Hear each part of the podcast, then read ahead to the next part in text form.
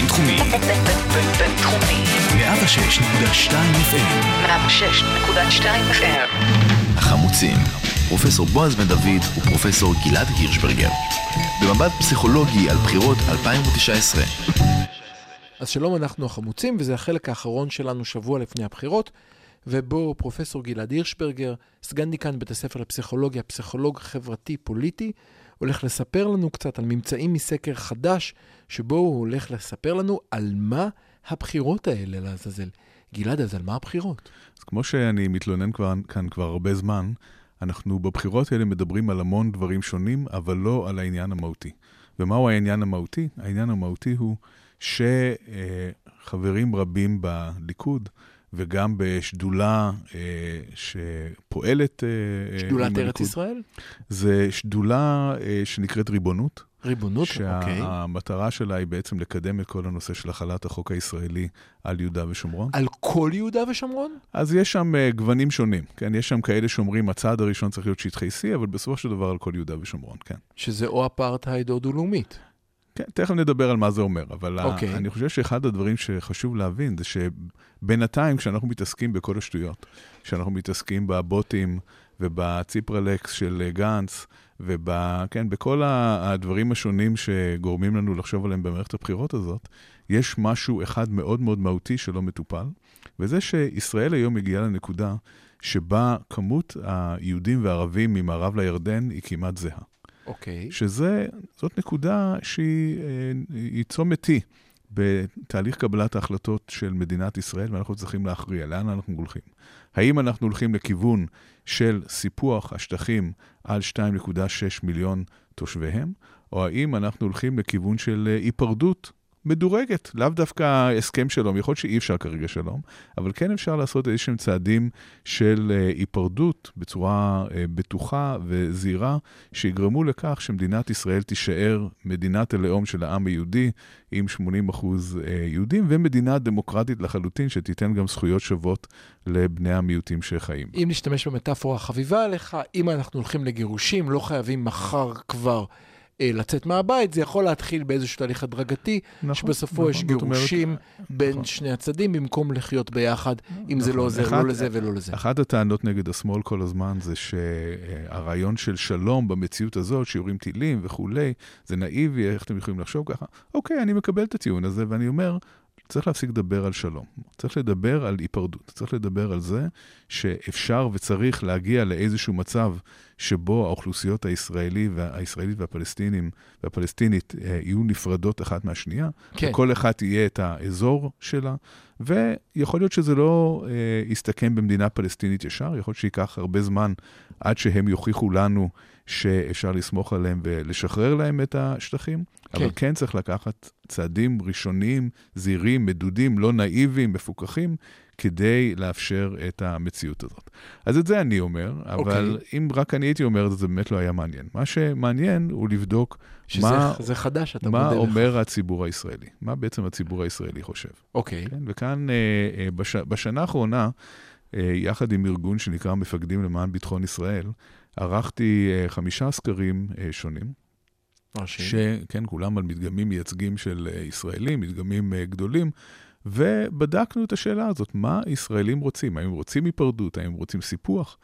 ואני אציג את הסקר האחרון שממש יצא השבוע, שמראה שוב, הוא מתקף את כל הסקרים הקודמים, שמראה שכמעט 70 אחוז, או קצת יותר, סליחה, מ-70 אחוז מהציבור הישראלי מעוניינים באיזשהו סוג של היפרדות, כאשר 40 אחוז תומכים בפתרון של שתי מדינות, ועוד כ-30 ומשהו אחוז תומכים בהיפרדות מדורגת חד-צדדית ישראלית. זה לא התנתקות מעזה, זה היפרדות, זה בעצם אומר שצה"ל נשאר בשטח, אבל מתחילים בחוק פינוי-פיצוי, מפסיקים את ההשקעות מעבר, ממזרח לגדר הביטחון וכולי וכולי. זה כשאתה כולל ערבים, אם אתה מוציא לא, ערבים לא, עדיין? לא, לא, זה יהודים ישראלים. בציבור היהודי, 70 אחוז אומרים, אנחנו רוצים נכון, לא נכון. לשמור על הסטטוס קוו, אלא לעשות היפרדות. אוקיי. יותר מזה.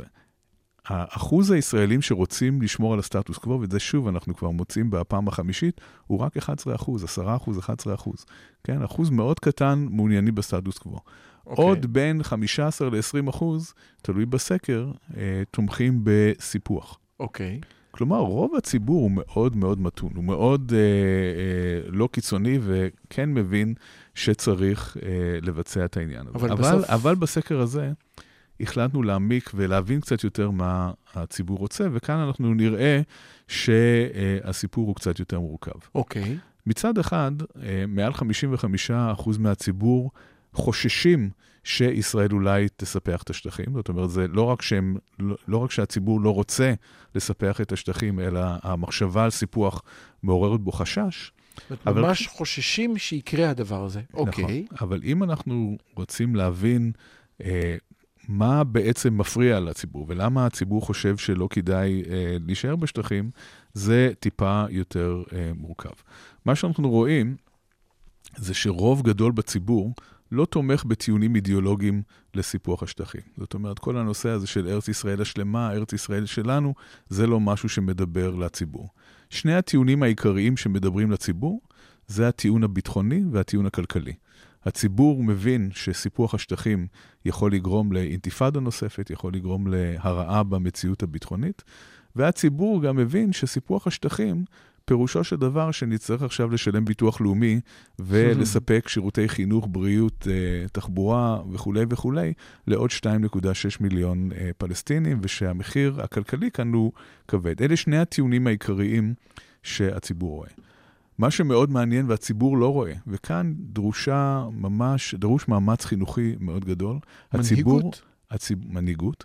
הציבור לא מבין שסיפוח השטחים מסכן את צביונה של ישראל כמדינה יהודית ודמוקרטית. את זה הציבור לא רואה. הוא לא מבין שאם אנחנו כל- נכליל בשטחנו עוד 2.6 מיליון פלסטינים, גם עם כל חוקי הלאום בעולם, ישראל לא תוכל להיות מדינה יהודית. הציבור לא מבין שאם אנחנו נכלול בשטחי מדינת ישראל עוד 2.6 מיליון פלסטינים ולא ניתן להם אזרחות, לא נהיה מדינה דמוקרטית. כן, אבל בפרק הקודם אתה אמרת, גערת בי, למה אני השמאלני מתלונן על כך כי שהציבור אתה לא מבין. שמאלני, מה אתה רוצה? אבל אתה שוב מתלונן על כך שהציבור לא מבין. נכון. אז אולי אתה טועה והציבור כן מבין?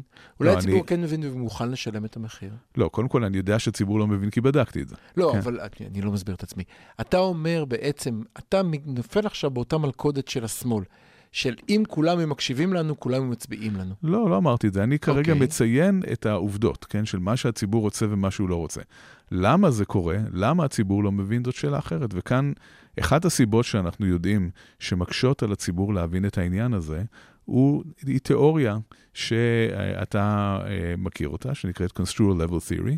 איך קוראים לזה בעברית? תיאוריית ההבניה. החברתית. תיאוריית ההבניה. החברתית, אה, נירה ליברמן וכולי מאוניברסיטת תל אביב. פרופסור ש- ינקלה טרופה, מהמרכז הבינתחומי. נכון.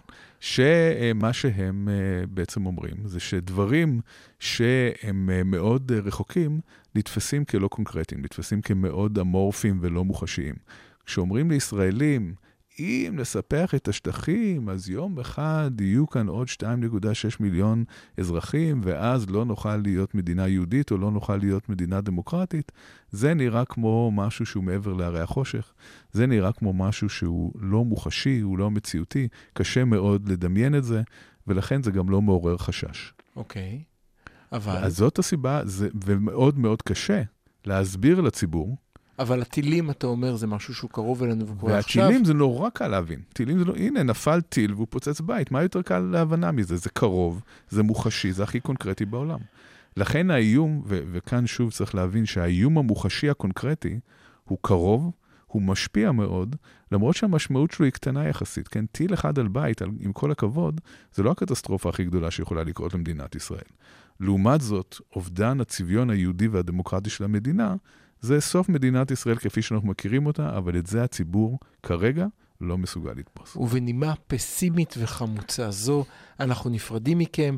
אנחנו אה, עומדים לעשות תוכנית מיוחדת ביום הבחירות, בשעה 4. אתם מוזמנים ל- את המקלטים להעביר ל-106.2 FM, או למצוא אותנו באינטרנט. אה, אה, אנחנו נקראים הרדיו הבינתחומי, אני לא יודע איך מגיעים אלינו באינטרנט, אבל אני בטוח שזה אפשר. אם מחפשים בגוגל החמוצים, בועז בן דוד וגלעד הירשברגר, אתם אה, אפשר תמצאו אותם. למצוא לו איזה פדיחה. אני חושב שזה 106, 106.2.FM, ככה זה התדר, שאפשר למצוא אותנו גם באינטרנט.